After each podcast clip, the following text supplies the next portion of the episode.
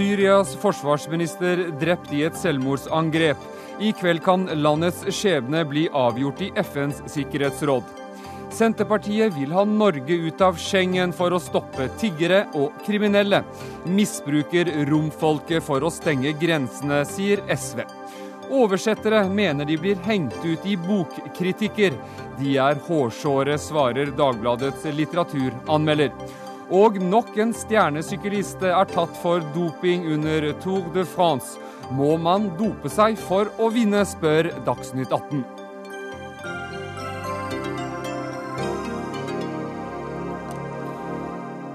Velkommen, jeg heter eh, Erik eh, Aasheim. Vi skal også denne neste timen her i Dagsnytt 18 snakke om at eh, Bergens Tidende har trykket Fjordmann-bloggerens ytringer om boka 'Motgift'.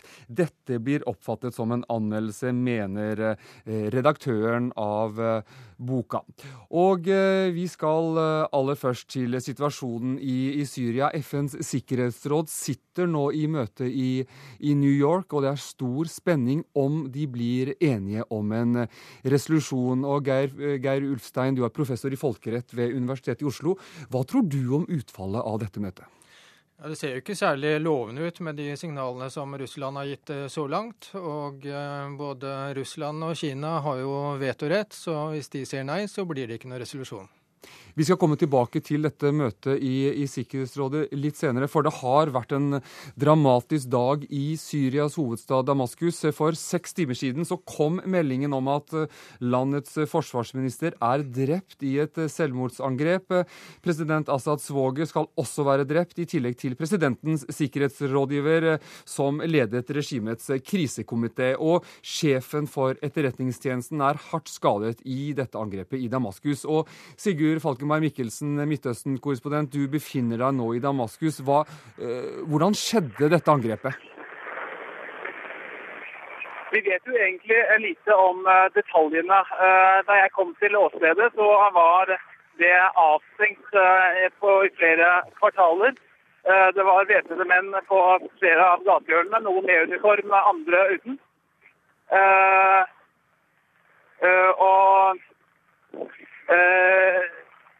det er da uenigheter uh, om uh, hvis det, hvis det var et selvmordsangrep, eller om det ble plantet eksplosiver som ble detonert på avstand. Det, det siste sier uh, Army, opprørshæren, som er en av to organisasjoner som tar på seg ansvaret.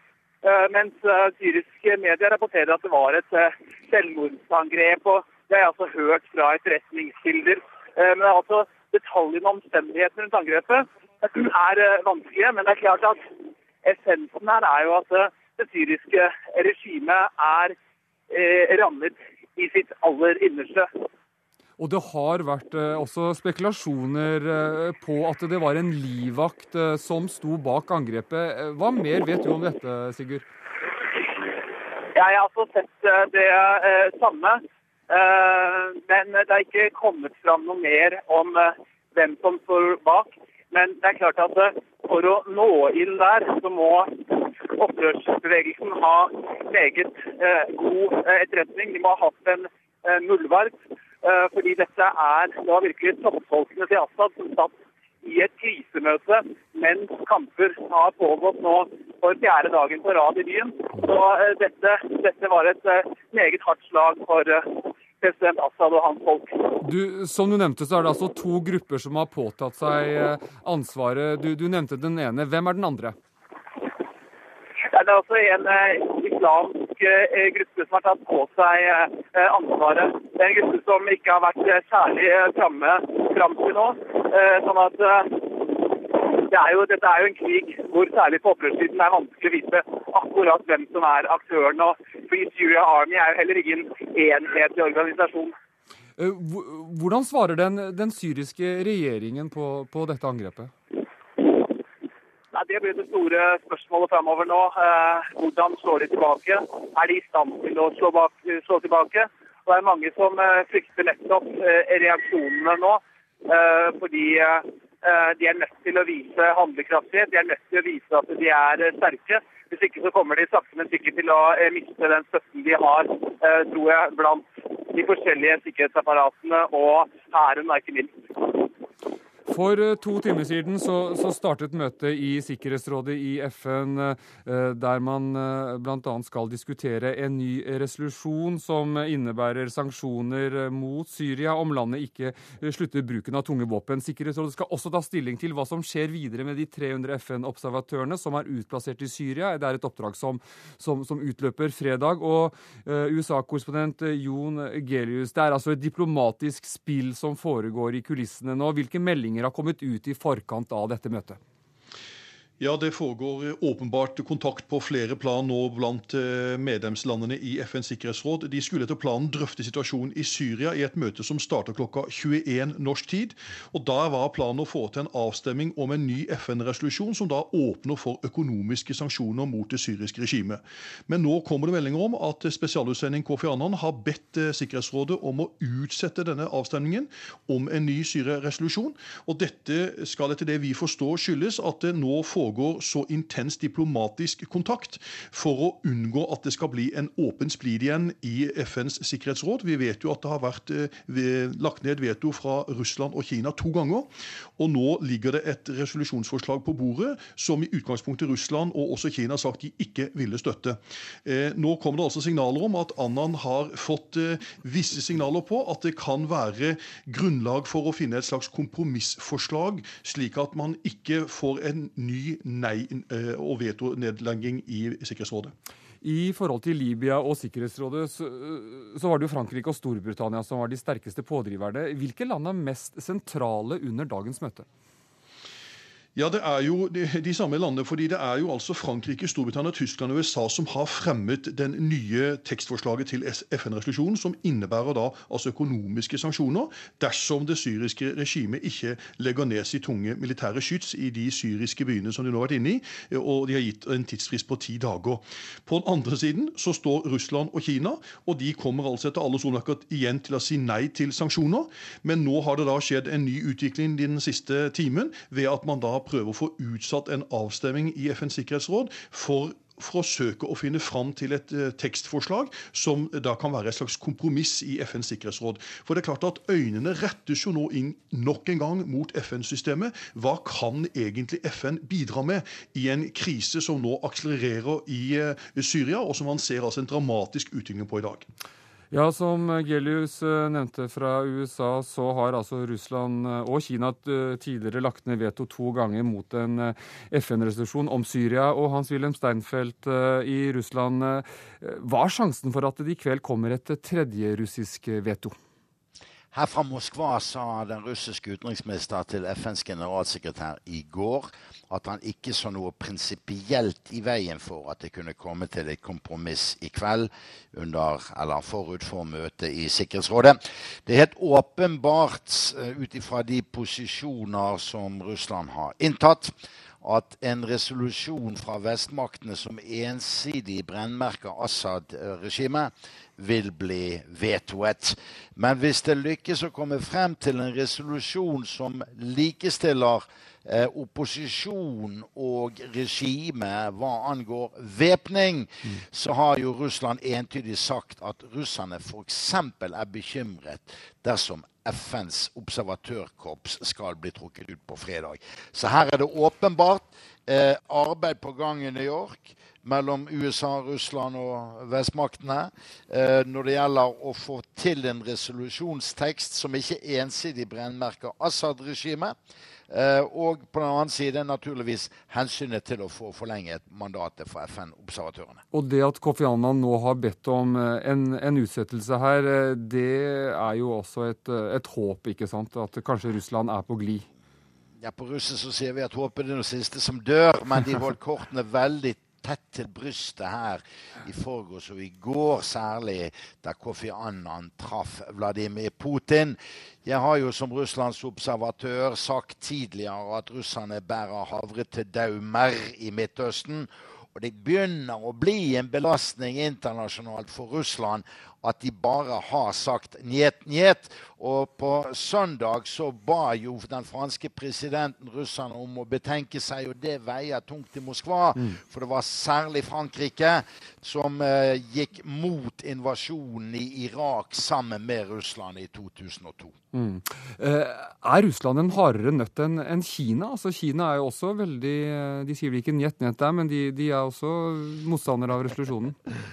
Ja, jeg hørte BBC i morges fra Kina, og der ble det fremstilt som at Kina på en måte deltar i ryggen på russerne her. Mm. Og på mange måter så er det russerne som er ute og sykler, også på den måten at nordøstlige delen av Midtøsten begynner å nærme seg den bløte buk under det russiske imperium. Eh, russerne har også et Iran å tenke på. Fremfor alt ønsker russerne nå å gi amerikanerne en leksjon fordi Russland mener USA misbrukte FN-mandatet i Libya i fjor til å bli part i en borgerkrig og Russland har gjentagende ganger sagt at hvis man bare kjører mot Assad-regimet, så blir det åpenbart en borgerkrig i Syria. Så får vi se hva Vladimir Putin mente i går, da, da han sa til Kofi Annan at han vil gjøre alt som står i Russlands makt for å få en våpenstillstand på gang nå i Syria. Ja, for dette er jo en måte å, å, å vise muskler på, ikke sant? Ja, dette er realpolitikk. Og dette er takk for sist til USA. Eh, og samtidig så er nok russerne veldig klar over eh, hvor sterk islam, radikale islamister er i opposisjonen i Syria. Det er vel få stater utenfor Midtøsten som kan Syria så godt som russerne. Og dagens selvmordsangrep, hvis det var det det var i Damaskus, bærer ved til det bålet russerne ser brenne. Eh, om at det kan være på gang Al Qaida-grupper eh, mot Assad-regimet. Og her i Russland står ikke radikale islamister veldig høyt i kurs. Vi har også med oss en ekspert her i Dagsnytt 18 på, på resolusjoner og, og, og sanksjoner. Og, og, Geir Ulstein, du er altså professor i folkerett ved Universitetet i Oslo. Hvilke virkemidler har Sikkerhetsrådet for å stanse volden i Syria? Ja, det å vedta en resolusjon i Sikkerhetsrådet det innebærer jo at det er eh, verdenssamfunnet som, eh, som, sier at dette går ikke lenger. sånn at Da er det ikke bare vestlige land og, eh, og Den arabiske liga, men det er verdenssamfunnet. Og Sikkerhetsrådet har jo da muligheter til å bruke tvang gjennom dette kapittel 7 i FN-pakten. Så da kan man eh, både vedta sanksjoner og i uh, siste instans også vedta bruk av militærmakt. Ja, altså Dette såkalte kapittel 7 som du nevner, altså hva er det? Kapittel 7 er et kapittel i FN-pakten. og Det gir myndighet til Sikkerhetsrådet. Hvis det er trussel mot freden, så kan Sikkerhetsrådet vedta bindende tiltak. Enten sanksjoner i forskjellige former, det kan være økonomiske sanksjoner, som vi var inne på. Men det kan også være såkalte smarte sanksjoner, som er rettet mot eh, personer, f.eks. da lederskapet i, eh, i Syria. Og dette ble gjort i forbindelse med Libya også. Først så vedtok man eh, sanksjoner, og da ikke det hjalp, så kom militæraksjonen. Libya er ett eksempel. Er det andre tilfeller hvor, hvor Sikkerhetsrådet har brukt kapittel 7-resolusjon? Ja, Etter slutten på den eh, kalde krigen så, så har det vært brukt eh, mange ganger. Og, og, Det første var jo da Irak invaderte Kuwait. Da vedtok man å bruke alle nødvendige midler. Og alle nødvendige midler i denne sammenhengen er bruk av militærmakt også. Mm. Eh, hvilke sanksjoner er allerede satt i gang eh, mot Syria? Det er ikke vedtatt noen FN-sanksjoner, men eh, det er vedtatt eh, sanksjoner fra EU-side, fra, fra, amerikansk side og fra Den arabiske liga. EU har f.eks. vedtatt eh, oljeboikott av, av, Syria. Mm. Og det er også vedtak om å fryse de pengene som Syria har i, i utlandet. Mm. Men dette her er jo da bare disse landene, mens hvis det er et FN-vedtak, så blir det bindende for alle verdens land. Hva kan du si om det politiske, eller det diplomatiske spillet som, som nå foregår i, i, i Sikkerhetsrådet? Altså dette, det er ingen lett jobb de har? Det er ingen lett jobb de har. I forhold til Libya så, så var det jo sånn at man fikk et knapt flertall for, for militæraksjon, men det var fem land som var avholdende, og da var Russland og Kina blant de avholdende landene. Men nå går jo Russland og Kina mot, mot et vedtak. Eh, og de har jo da muligheten til å hindre dette vedtaket. Men det er jo også den sammenhengen som Steinfeld var inne på, at eh, Russland og Kina er skremt av den tidligere Libya-resolusjonen og mente at Nato misbrukte den. Ja, og, og, og siden Sikkerhetsrådets eh, opprinnelse ikke sant, etter andre verdenskrig, så, så, så, så har jo stormaktene hatt, hatt, vetorett her.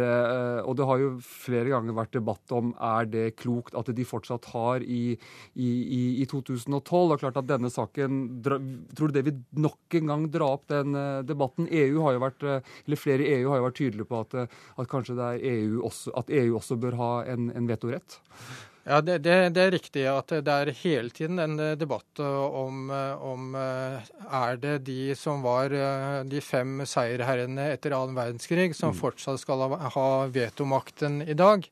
Men dette er en mer løpende debatt, og, er ikke spesielt da, i forhold til Syria. Mm. Takk for at du, var, at du, var, med hos i Dagsnytt 18, Geir Ulstein. Du er professor i folkerett ved Universitetet i Oslo. Takk også til våre korrespondenter over hele kloden, Jon Gelius, Hans-Wilhelm Steinfeld og, og Sigurd Falkenberg Mikkelsen. Hør Dagsnytt 18 når du vil, på nettradio eller som podkast. nrk.no – dagsnytt 18. Listen av uh, juksemakere innen idretten den blir bare lengre og lengre. Nå er uh, Luxemburg, Luxemburgs uh, sykkelstjerne Frank Schleck tatt for å ha brukt det vanndrivende middelet Expimamid, som det heter vel. Tour de France er igjen altså blitt hva skal vi kalle det, Tour de doping. Og reporter Ingrid Sørli Glomnes, du er i den franske byen Bagnères du Lujon og hvordan reagerte Slekk på resultatet av dopingtesten? Ja, Det var jo i går kveld det kom at han har testet positivt etter den 13. etappen. og Frank Schleck han var sammen med lagkammer og familie da i nitiden. og De ble veldig overrasket og sjokkert. og Elsebror Schleck han hevder at han er uskyldig, og at hvis nå det skulle vise seg at også B-prøven er positiv, så mener han at da prøven er forgiftet. Så er, Han er som en av de mange andre som sier at han ikke har dopet seg. Også storebror Andy Schleck, som vant Toren i 2010, han har gått ut i dag og sagt at han tror broren er uskyldig. Ja, og Det er vel ingen syklist som så langt i Tour de France har innrømmet at de har blitt uh, uh, dopet. Hvordan preges Toren av nyheten om, om Schleck, uh, Glomnes? Det var jo totalt kaos ved start i den franske byen på i dag. Utenfor Radio Shack-bussen så var det myldrete av presse som alle ville høre hva som eh, har skjedd. Og jeg snakket også med noen av syklistene, og de fleste er sjokkert. Mange vil jo ikke si noe, si bare nå konsentrerer jeg meg bare om toren. Mm. Men de er sjokkert og overrasket over at det er nettopp en av Slekk-brødrene som har vært litt sånn frontfigurer mot doping, egentlig. Hva skjer videre med, med Frank Slekk nå? Nå har han reist hjem fra Tour de France. Det gjorde han allerede i går. Han ville ikke være her lenger. Eh, det er jo bare en A-prøve som er positiv, så nå skal vel innen et par dager B-prøven også sjekkes. Og han har reist hjem for å forberede sitt forsvar og avventer om han eh, også har en positiv B-prøve. Takk til deg, reporter Ingrid Sørli Glomnes, eh, som altså følger Tour de France for NRK i Frankrike. Og Peter Hemmersbakk, du er leder for Norges laboratorium for dopinganalyse analyse. Og hva er dette stoffet Frank Schleck eh, nå har testet positivt på? Altså, Xipamid er et såkalt vanndrivende middel. Mm. Det er et stoff som i og for seg ikke er prestasjonsfremmede, men det står på listen fordi den øker utskillelse av vann gjennom nyrene, som fører til en veldig fortynnet urin. Så Derfor er den klassifisert som et maskeringsmiddel. Og det, og det, vil si at det kan også skjule da bruk av andre stoffer? er det sånn å forstå? Sånn er ordet maskeringsmiddel tenkt. At det kan skjule eh, bruk av andre stoffer, rett og slett fordi konsentrasjonen av de andre stoffer kan bli så lav mm. når du så å si skiller ut rent vann. Så om, eh, om uh, Slekk viser seg å være dopet, så kan det også være andre doping, dopingmidler så, som kan ha vært benyttet? Det kan være slik. Ja. Er det vanskelig å oppdage et slikt stoff? Altså, Xipamid er lett å oppdage.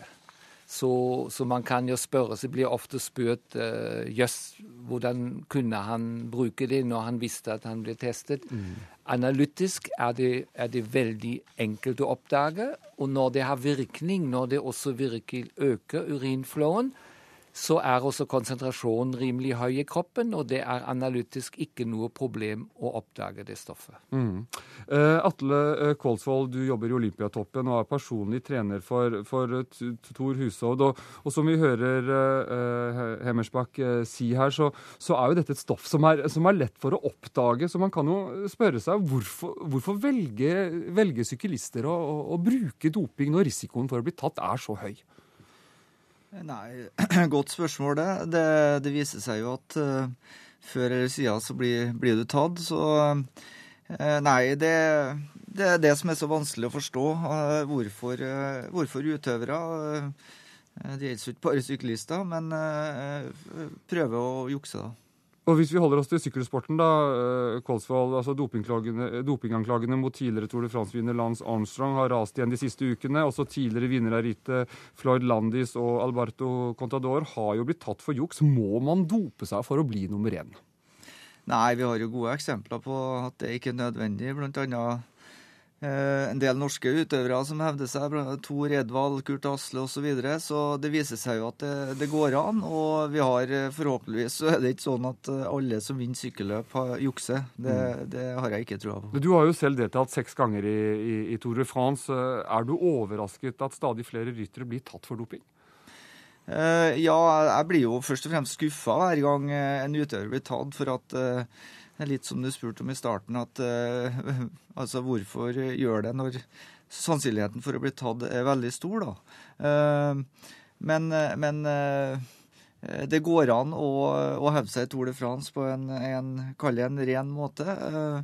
Og kontrollene har blitt bedre og bedre, og UCI har jo tatt et ansvar i forhold til å prøve å rydde opp. Mm. Og det er jo grunnen til at de store haiene blir tatt nå de siste årene. Hva gjør dette med sykkelsportens renommé? Nei, det, blir, det, er jo et spørsmål som stilles uh, hver gang. og det som er litt, eh, litt, spesielt, er jo faktisk at Tour de France har jo aldri vært så populært. Ja, Det er ikke færre folk langs landeveien i, Frankrike, har vi sett? Nei, det er og stadig flere nordmenn, blant annet. Så eh, interessen er der. Eh, men selvfølgelig, vi som, som er eh, fra sykkelsporten, ønsker jo at eh, det skal bli eh, så rent som mulig. Og forhåpentligvis, sjøl om nå blir, det blir tatt utøvere ja, nesten hvert år i Tour de France, så, så håper vi at det, at det, skal bli slutt på det. Ja, Peter Hemmersbakk, er, er sykkelsporten nå blitt en slags verstingsport når det gjelder doping? Altså, Sykkelsport har sikkert vært en meget belastet idrett. Mm. Og uh, særlig i den situasjonen hvor et medikament uh, Erytropoetin, et, et, viktig medikament som øker antall ro- og blodlegemer, kom på slutten av 80-tallet. Mm. Og man ikke hadde en, eh, en, målemetode for å oppdage misbruk, samtidig som det er et medikament, og da er det forskjell til dette xipamidet som, som er prestasjonsfremmende, som er påviselig prestasjonsfremmende. Mm. Ble da brukt på 90-tallet uten at det kunne oppdages så så man jo at det var veldig mye doping i sykkel. Mm. Og så må jeg si at, eh, og det ble jo også nevnt her av Kvartsvold, at jeg, jeg, bruker gjerne det momentet da tysk TV trakk seg fra direktsendingene for noen år siden. Mm. Så tror jeg det gikk virkelig opp for UCI at dette er en trussel mot idretten. Og etter det kan jeg si har UCI i aller høyeste grad gjort mye for å, for å, bekjempe doping, også med nye midler, med nye metoder. Eh, så det er helt riktig, det Kveitsvold sier. Så helt kort til slutt. Eh, dopingjegerne de ligger altså skal vi si, godt an i forhold til utviklingen av nye dopingmidler? Det tror jeg. Både av nye, men det kommer stadig nye. Så, mm. så utfordringen blir ikke mindre. Og at vi blir kvitt doping fra toppidretten, det tror jeg ikke kommer til å skje. Men vi har ikke råd til å la være å kjempe mot doping. Takk for at du kom hit, eh, Peter Hemmersbakk, som er leder for Norges eh, laboratorium for dopinganalyse. Og takk til Atle Korsvold, som er coach for sykkel i Olympiatoppen, og også personlig trener for Tor Hushovd.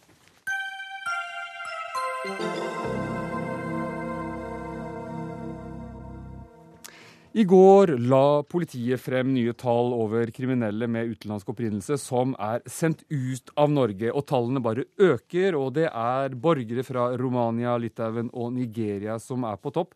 Og Senterpartiets Jenny Klinge mener at løsningen nå er å gå ut av Schengen-samarbeidet. Og Aksel Hagen, du er stortingsrepresentant for SV, og du mener Klinge blander kortene her. På hvilken måte? I beste fall så har jeg vært uheldig. Men for, ja, fordi at jeg tror de aller fleste av oss oppfattet dette som et innlegg i romfolksdebatten. Og da er det et veldig uheldig innlegg. Det å på den måten koble eller sette et likhetstegn nesten mellom romfolk og kriminalitet. Ja, Jenny Klinge, stortingsrepresentant for Senterpartiet. Var det uheldig utspillet ditt? Nei, eh, selvsagt er det alltid uheldig når det blir blanda forskjellige temaer. og det kan knyttes til sånn som jeg da mener åpenbart at det ble misforstått at romfolket tok utgangspunkt i når jeg gikk ut med Schengen. Uh, rett og slett det jeg sa om Schengen. fordi at Da Klassekampen ringte med og spor om hva jeg mente om de ulike løsningene som andre politikere har tatt til orde for, og da ble spurt direkte om Schengen, så sa jeg det som jeg sa for et år siden og sagt tidligere òg, nettopp at jeg mener at Norge bør revurdere Eh, samarbeidet der, og eventuelt gå ut. For vi har sett siden at eh, når vi inngikk samarbeid med Schengen i 2001, at dessverre har tilstrømminga av utenlandske kriminelle vært stor. Vi mangler personkontroll ved grensene våre, og det bør vi gjeninnføre. Når det gjelder romfolket, så er det ei stigmatisert eh, gruppe, og som vi må uh, ha en sånn hjertevarm tilnærming til. Så det handler ikke om dem. Eh, spesielt, men det handler om at i alle grupper og alle nasjonaliteter så finnes det selvsagt kriminelle.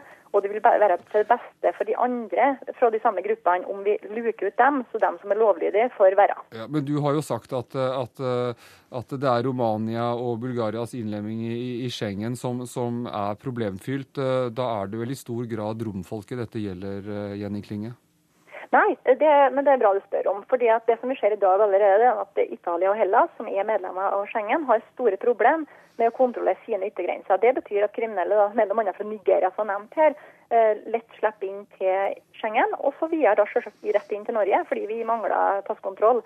Uh, og uh, Romania og Bulgaria er ikke en del av Schengen-samarbeidet ennå, men det ligger an til at det kan skje til høsten eller til neste år. Uh, de to landene vil få minst like store problemer med å kontrollere sine yttergrenser som Italia og Hellas. og Det er det jeg er bekymra for i den mm. sammenhengen. Ja. Det men, det, men, det, må ha plaget deg litt i dag, Jenny Klinge? Det må ha plaget deg litt i dag, Jenny Klinge, når du ser at så å si samtlige kommentarer du har fått på nettdebatten, oppfatte det nettopp som et innlegg inn i denne eh, romfolkdebatten. Inkludert din egen partifelle Per Olaf, eh, per Olaf Lundteigen. Så her eh, syns jeg du skal si at du har vært et uheldig tidspunkt, og du har plassert dette innlegget ditt inn i en, veldig, en sammenheng som virker veldig uheldig i dag. Siv Jensen vil busse romfolket ut. Du gir noen signaler her at du nærmest vil stoppe det over grensa. Det må gå an å ha to tanker i hodet samtidig. Eh, og ikke minst se det at eh, når det gjelder kriminalitet som et, eh, som et eget felt, så vil det selvsagt være nødvendige tiltak vi er nødt å gjennomføre. Når det gjelder romfolket spesielt, så er det viktig for meg å presisere sånn som jeg sa i stad, at det er ille at det er blitt en så stigmatisert gruppe som det er blitt. Vi er nødt til å ha et hjertevarm tilnærming. Men det å da, som jeg var inne på, jeg svarer ærlig og oppriktig på et spørsmål fra Klassekampen om hva jeg mener om Schengen-samarbeidet. Og hvis det som politiker skulle sagt at nei, det vil jeg ikke si noe om nå, fordi at nå taler vi om, bare om romfolket, så ville det vært i strid med den måten jeg som vanlig uttaler meg på. Jeg bruker svar eh, greit og ærlig på det jeg mener. Og Jenny Klinge, du har fått mye jeg må bare gå litt videre, du har altså fått mye, mye kritikk i dag, som vi også hørte Aksel Hagen eh, nevne. Og vi har med oss en til, vi. Eh, Peter Gitmark, stortings stortingsrepresentant for Høyre. Eh, Høyre er jo både tilhenger av, både tiggerforbud og Schengen-medlemskap. Hva syns du om dette utspillet til, eh, til Klinge?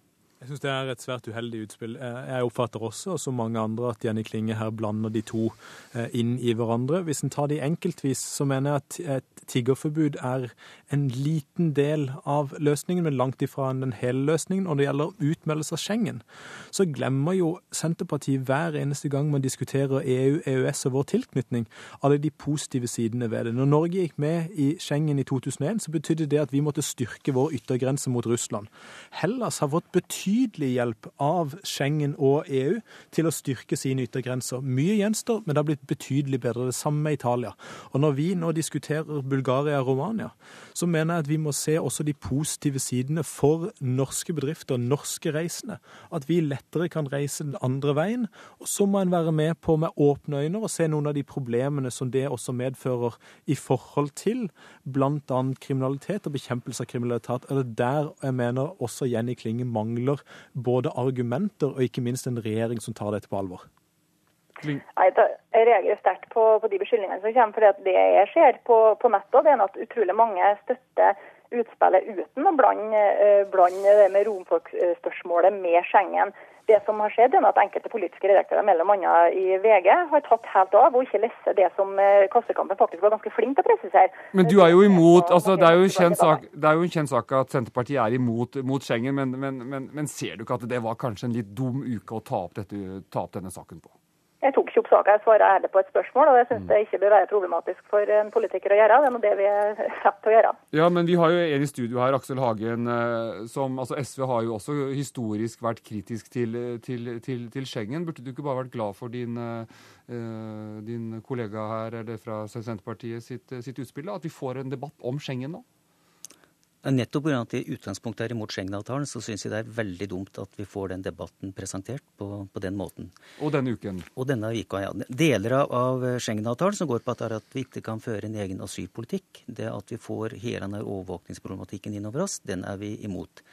Men vi er veldig varme tilhengere av at folk kan krysse grenser på den måten som vi kan krysse grenser i dag. Mm. Og mitt spørsmål til, til, deg, Jenny Klinge, er jo liksom hvis du får på plass den nasjonale kontrollen, da, som det finnes mange gode argumenter for, ville du da stoppe en del av den rombefolkningen som nå er hos oss? Med de, med de jeg vil si, forutsatte meninger du har om rombefolkningen, både når det gjelder kriminalitet og ikke minst når det gjelder tigging? Nå, nå syns jeg Hagen går for langt. Jeg har ikke noen forutinntatte holdninger i forhold til at de skal eventuelt begå mer kriminalitet enn andre. Det som er et viktig poeng i dette, det er noe det at alle, uavhengig om de er romfolk eller om de er fra Polen eller Latvia, eh, har noe interesse av at når de kommer hit lov, med lovlydige og ærlige eh, hensikter, så vil de selvsagt ha det beste av dem òg. At de andre blir luka ut for det som virkelig stigmatiserer gruppa. Det er nå hvis 10% f.eks. er kriminell. Og det som, vil, det som jeg vil påpeke, da, som jeg har påpekt også tydelig når det gjelder Schengen-spørsmålet tidligere, det er nå det at vi må lytte også til politiet. Vi har nå eh, klare signaler fra Nordiske Politiforbundet, som i fjor sa at de frykter at verdien av åpne grenser ikke står i forhold til de problemer det medfører når kriminelle fra Litauen og Latvia, som de da nevnte, invaderer europeiske land, som de, eh, de sa. Jeg vil ikke nøye bruke det sterke uttrykket, men også Politiets Fellesforbund her til lands sa i fjor at dette er et problem. 80 eh, av organiserte kriminelle i, eh, i, Norge er fra de baltiske landene. Eh, og når jeg nevner det her, så er det nettopp for å vise til at denne debatten her har jeg vært opptatt av, og mener noe om uavhengig av spørsmålet om romfolket. Men når det gjelder at det også selvsagt vil komme kriminelle fra det folket òg, så vil det være til beste mm. for alle de andre som er her fra romfolket, at de kriminelle blir luka ut. Peter Gitmark i, i Høyre, når du nå hører Eh, to Schengen-motstandere, også regjeringspartnere, diskuterer diskutere på denne måten. Eh, hvordan oppfatter du det? Jeg oppfatter det som uheldig for Norge. Jeg kan absolutt lese de politiske avtaler som regjeringspartiene har inngått, og hva som også er regjeringens politikk.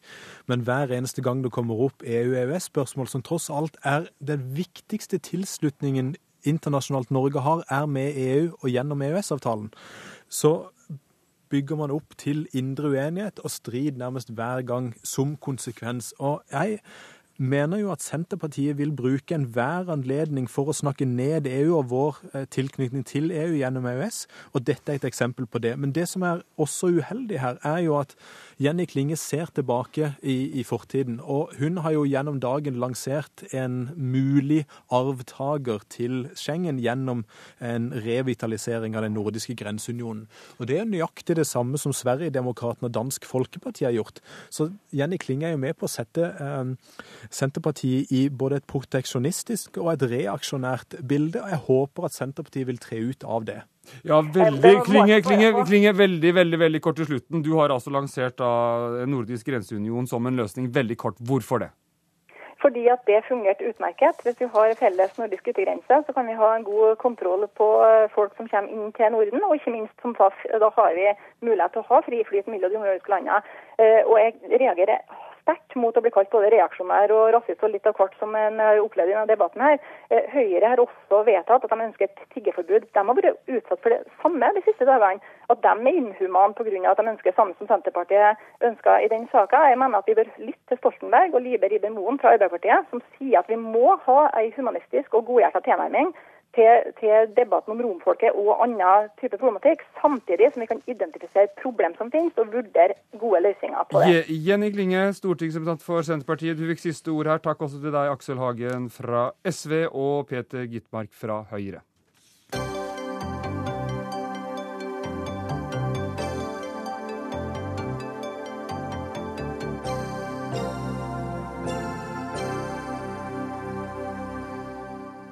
Bloggeren eh, Fjordmann eh, fikk i går si hva han mener om anatologien 'Motgift' på debattsidene i Bergens Tidende.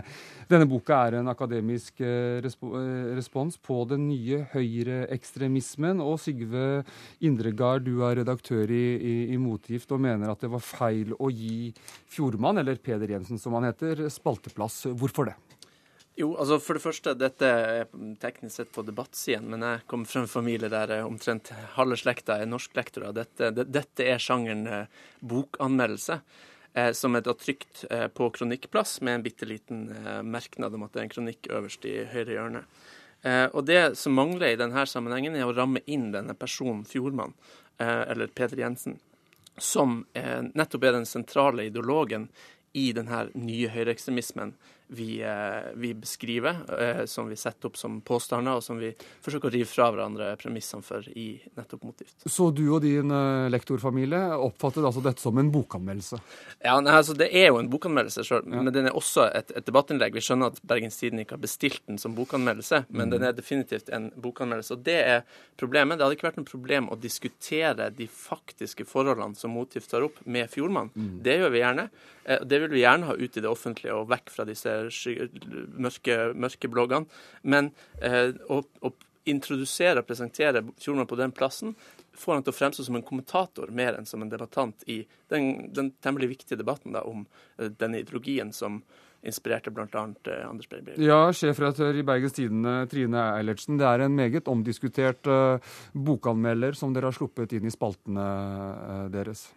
Ja, og hadde det vært en, en bokanmelder, så hadde jo dette vært en, en, veldig interessant debatt. Eh, det som er med våre kronikksider, det er at, eh, og jeg vet ikke hvor, eh, hvor mye min motdebattant leser de, men vi har veldig mange forskjellige sjangre på trykk på debatt- og kronikksidene våre. Vi er ikke veldig strenge med, med sjangerkravene der. Eh, det vi er veldig eh, strenge med, det er merkingen. Og det vi er veldig tydelige med, det er når vi har anmeldere som vi har invitert inn til å anmelde bøker for oss. Og våre lesere og vårt publikum er vant til, de, eh, til, den måten å merke på. Jeg tror ingen av våre lesere er i tvil om, om at dette er et, et partsinnlegg, formen til tross pga. plasseringen. Men den er jo skrevet som en bokanmeldelse, det er du enig i? Ja da, han skriver det som en bokanmeldelse. Og så mm. markerer vi veldig tydelig eh, hvem han er, hva som er aliaset hans. Og det finnes vel ikke ett samfunnsengasjert menneske i Norge som ikke vet hva eh, Peder Jensen står for, eh, og ikke vet hva motgift Altså hvem de prøver å, å argumentere mot når, de, når, de ut, når, denne boken gis ut. Så jeg syns premissene er veldig tydelige når, når teksten blir presentert sånn som den det er jo en sjarmerende beskrivelse av norsk offentlighet at alle vet dette her. Eh, det tror jeg ikke eh, at det er sant, eh, for det første. Jeg tror det er sånn at mange ikke kjenner detaljene i hva Fjordmann står for. At han står for en kommende borgerkrig der hans kontrjihadistiske elite skal reise seg og så frøene til et nytt samfunn der bare europeere skal få egne soner i Europa der de skal bo um, osv. Altså, han er en ganske ytterliggående uh, høyreekstrem ideolog. Det du refererer til som tydelig merking, er her uh, et, at du kan lese øverst med liten skrift at han heter også har et alias Fjordmann. Det er ikke tydelig merking. Den innramminga denne, denne personen trenger i norsk offentlighet for å kunne være en del av debatten, er jo at leseren blir forklart litt om denne ideologien. Ja, Eilertsen, Eilertsen, burde dere ikke hatt en liten sånn faktaboks som avisen er så glad i? Dette er Fjordmann, kolon.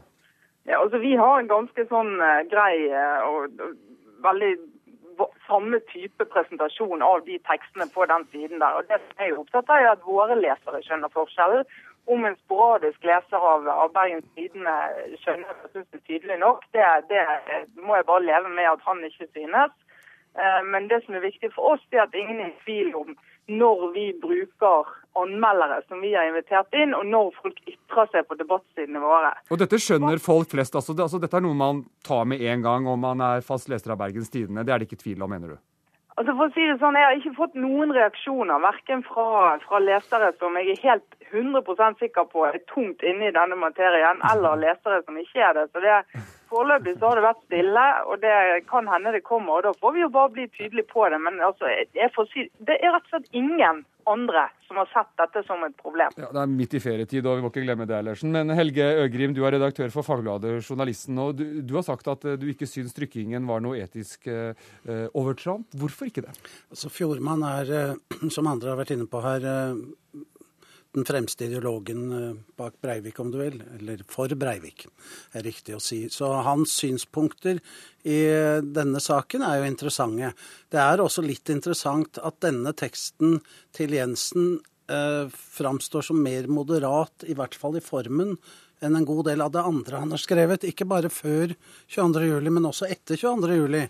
Så eh, som leser så syns jeg ikke teksten er uinteressant. Jeg syns kanskje ikke den er så veldig god. Eh, og han er veldig part i saken og sånn, så han er en litt sånn pussig anmelder. Eh, selv om han ikke er invitert, så, så er, er, kommer han fra et rart sted for å, for å vurdere boka. Og han er ekstremt partisk. Men jeg syns ikke teksten er uinteressant. Jeg syns ikke det er noe problem at den står på trykk. Eh, ikke... Skjønner du motgiftet som reagerer her, da? Jeg, vel, motgift er forlaget, eller forlaget ved siden av meg. Og de kan reagere som de vil, selvfølgelig. Eh, jeg syns generelt at norske medier gjerne kunne, kunne gi mer informasjon løpende eh, bak alle kommentarer, jeg, hvilke roller folk har osv. For jeg, jeg, savner det ofte. Hvem er egentlig denne personen? Mm. Hva er hun ekspert på egentlig? Det står professor osv. Altså, vi får vite mindre enn jeg som leser ønsker meg. Men om den jevne leser, hvor intelligente bergensere enn måtte være, fanger alle disse nyansene. Det tror jeg ikke. Min erfaring er at kronikk og debattinnlegg og, og, og alt mulig går, går, i surr for de fleste. Sigve Indregard, du kan jo si sånn at takket være Fjordbanen og Bergens Tidende, så har du nå fått lov til å delta i nok en debatt om, om motgift. Så ja, all, all, reklame er vel god reklame? Vi er veldig fornøyd med det her. Vi har jo vi har allerede begynt å plukke ut sitater til et eventuelt andreopplag og coveret, så det her ja. er veldig fint. Sånn, så, vi, vi, er sånn sett ikke noe, det er ikke noe problem at dette står på trykk. Vi syns bare det er merkelig at man bruker anledninga som denne boka skaper til å starte en debatt, blir i stedet brukt til eh, å løfte frem en, en, en ja, som jeg er enig med, med, med min meddebattant, at det er en ganske uinteressant eh, drodling rundt eh, rundt temaene, full av adjektiv og full, veldig lite full av argumenter. Og Det skulle vi heller hatt sett ordentlige debatter med bl.a. Fjordmann. Øgrim, hvor går grensen for deg, og hva, hva man kan sette på trykk? Vel, altså Oppfordring til kriminelle handlinger skal man ikke sette på trykk. Det er en mm. klar grense. Mm. Utover det så finnes det ikke helt klare grenser, fordi det avhenger av eh, hvor relevant eh, ytringen er i den konteksten den kommer. Altså Det står mye på trykk som er støtende og, og opprivende å lese, og det skal det være. Det er, det er merket på ytringsfrihet, det at det står ting vi blir uh, rasende på i avisene. Og Trine Eilertsen i, i Bergens Tidende, uh, Fjordmann var ett eksempel. Har du flere kontroversielle kronikkskribenter i, i kø? Ja, det håper jeg virkelig. At, at om, om, noen står i kø, så håper jeg flere kommer. For det er klart at hele poenget med den, den plassen i avisen er jo å skape debatt. Og utløse reaksjoner. Og, det, og at det står ting der som vi ikke liker, og som jeg som redaktør ikke liker, ja, det er jo eh, faktisk hele poenget. Og debatt ble det altså i Dagsnytt 18. Takk for at du var med her, Trine Eilertsen, sjefredaktør i Bergens Tidende, og Sigve Indregard, redaktør for boka Motgift, og Helge Øgrim, som er redaktør for fagbladet Journalisten.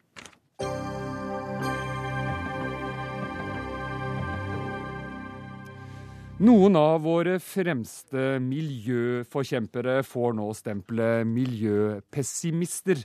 Det er påstander om at det er diktaturer som kan redde klimaet, som har fått deg, statsviter, miljøblogger og frilansjournalist Erik Martinussen, til å skrive en kronikk i Morgenbladet om akkurat dette. Og hva er det du reagerer på når f.eks. Kinas sterke lederskap blir trukket fram som et eksempel på, på, på noen som har lykkes med klimatiltak? Eh, utgangspunkt for denne diskusjonen her er jo at eh, de norske klimagassutslippene øker veldig kraftig år for år. Eh, nærmest ustoppelig. Og det kan jo føre til en slags apati, kan man si, hvis man ikke forstår hvorfor de gjør det. Men jeg tror det er viktig å understreke at klimaspørsmål er et kollektivt problem. Altså et problem som skyldes hvordan vi har organisert samfunnet vårt. Og at man derfor må finne politiske løsninger på det problemet. Det som jeg syns er en tendens da, i den norske miljødebatten, er at man i større og større grad eh, peker på folk flest som problemet i, i diskusjonen. Jeg mener at det fins politiske løsninger på dette. her. Man kan regulere olje, oljeindustrien sterkere, f.eks. Eh, man kan flytte politisk makt fra Finansdepartementet over til Miljøverndepartementet. Dette er spørsmål man kan diskutere.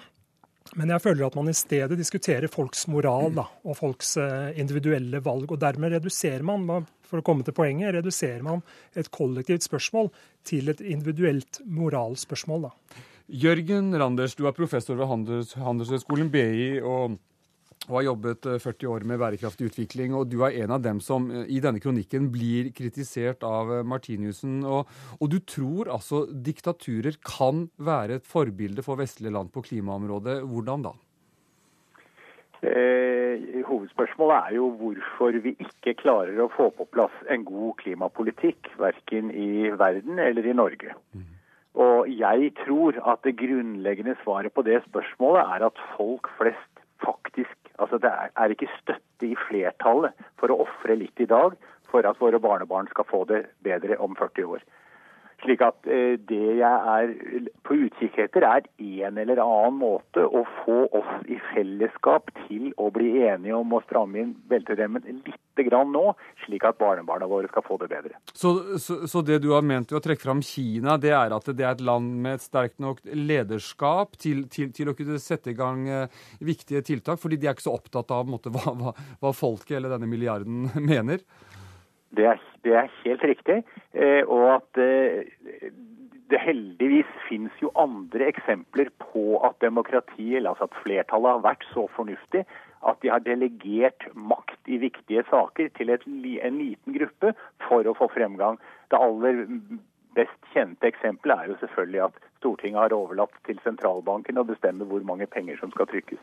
Ja, Martinussen, er, er Anders nå en like stor miljøpessimist som Nei, han var altså, da du skrev eh, kronikken? Ja, altså jeg føler at det er nettopp dette som er problemet. For Randers snakker om overnasjonalitet, og det kan jo være fint. Og jeg også mener at f.eks. FNs klimasekretariat burde ha større makt i eh, klimaspørsmålet. Men det er jo ikke sånn eh, at eh, overnasjonalitet eller det å samle makten hos en bestemt elite automatisk fører til et bedre klimasamfunn. Eh, man må være klar over at klimaspørsmålet er noe som har blitt reist gjennom demokratiske institusjoner. Det er et grunnleggende demokratisk spørsmål som har blitt reist gjennom åpen vitenskapelig debatt og, og, gjennom åpen debatt, samfunnsdebatt, og sånn sett nådd helt fram til FN-institusjonene. Altså Hvis man tror at dette problemet hadde latt seg reise gjennom maktpolitiske kanaler, så tror jeg man tar grundig feil. Og Jeg tror det er viktig å, å påpeke dette, fordi at, uh, det er jo ikke sånn at, uh, at folk flest uh, er mot å gjøre noe med miljøproblemene. Tvert imot viser flere undersøkelser at f.eks. i Norge så vil seks av ti la stor, mer av oljen ligge igjen i reservoarene ute i Nordsjøen for, å, for å ivareta klimaet. Og Problemet med diagnosen til, til Randers er jo at uh, hvis du, hvis du, tror at eliten kan styre dette her uten, uten folkelig Folke, deltakelse, så får man ikke den forankringen og den endringen som skal til. Randers? Jeg er for det aller første veldig glad for at Erik Martiniussen har kommet opp med en god merkelapp, nemlig klimapessimist. For jeg er en klimapessimist etter å ha arbeidet 40 år med å prøve å få folk til å slutte opp om den typen ting som eh, Martinussen helt riktig påpeker at vi trenger, så har jeg altså ikke fått det til. Og nå er jeg blitt 67 år og klimapessimist. Mm. Jeg er hellig overbevist om at Martinussen tar feil når han sier at folk flest vil. Det er helt riktig at vi trenger forankring for å få noen ting gjort. Men vi, den forankringen fins ikke. Nå har vi altså holdt på som jeg sier da, i 40 år med å prøve med utdanning, prøve å være forbilder, prøve å legge frem fornuftige klima- og energipolitikker, sist nå i stortingsvalget 2009, hvor de fire småpartiene hadde kloke, vel gjennomtenkte klima- og energipolitikker, og alt endte bare med at de tapte stemmer. Og dette er altså spørsmål om å ha sterke nok ledere, Randers. Det er ditt poeng? Mitt poeng er at ja, at, at, flertallet må på et eller annet vis bli enige om at nå overlater vi til f.eks. EU-kommisjonen. Men poenget er at, at, dette er ikke konstruktivt. fordi at eh, skal du få til endringer, så må du ha med deg folk flest.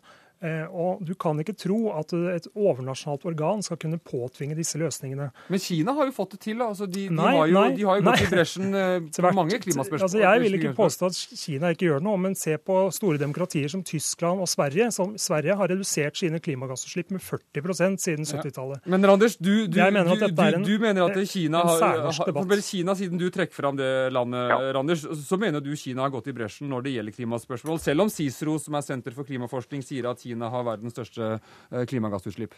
Eh, de har verdens største klimagassutslipp eh, totalt sett fordi de er 1,3 milliarder mennesker. Per hode så har de et mye lavere utslipp. Når jeg sier, når jeg sier at de faktisk går foran, så er det at de på et tidlig utviklingsstadium, altså mens de fortsatt er fattige, er villige til å allokere en del av investeringsmidlene i samfunnet for å få ned klimautslippene. Og Det har de gjort i, i stor og meget imponerende skala i de siste femårsplanene, og også i de neste to. Altså Problemet er jo at denne grunnleggende moraldebatten mørklegger de virkelige utfordringene, som er økonomiske styrken til f.eks. fossilindustrien og oljeindustrien i Norge, da, som har sterk innflytelse på norsk politikk. Takk til deg, Erik Martinussen, som er eh, miljøjournalist og, og, og blogger. Og takk til deg, Jørgen Randers, professor ved Handelshøyskolen i BI, og kaller seg altså nå klimapessimist.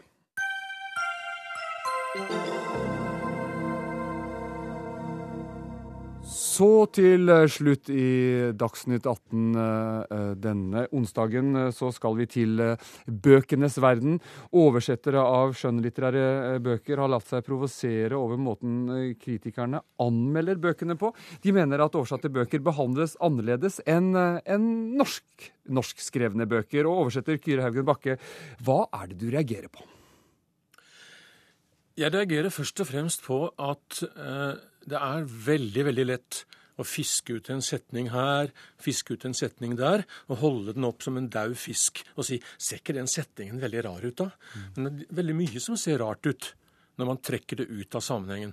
Så det vi oversettere eh, av skjønnlitteratur ønsker oss, det er en vurdering av helheten i verket. Mm. Eh, det vi pleier å si, er at vi skriver boka om igjen på norsk.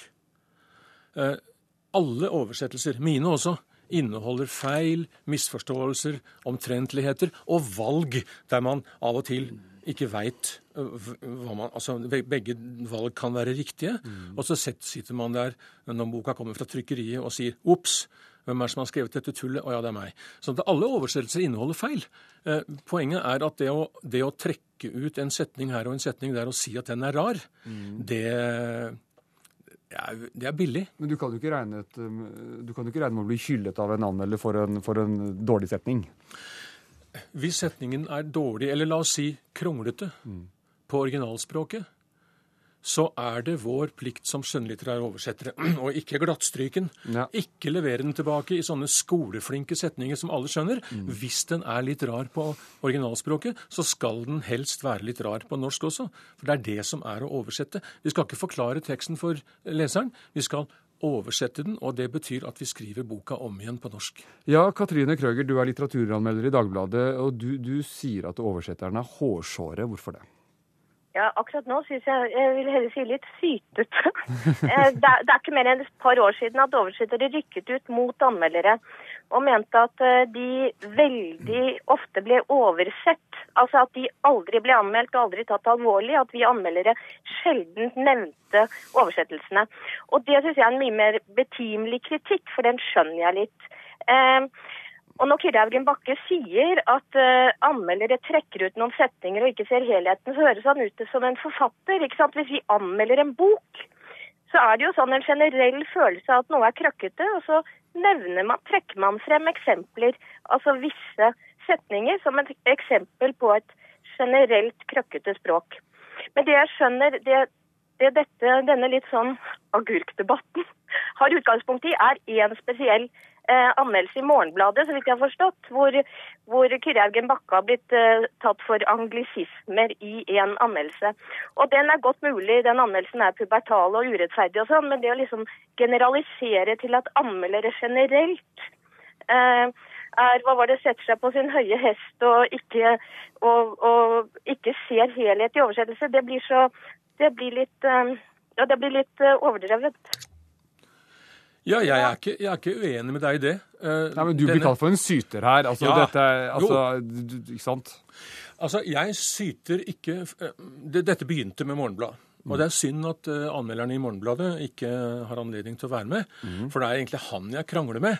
Eh, og sytinga uh, går ikke så mye på at anmelderne i Morgenbladet har, har hengt ut, tatt noen setninger og sagt at de er teite. De er mer forbanna, fordi at eh, de setningene er helt fine, de. Og det er ikke bare meg som sier.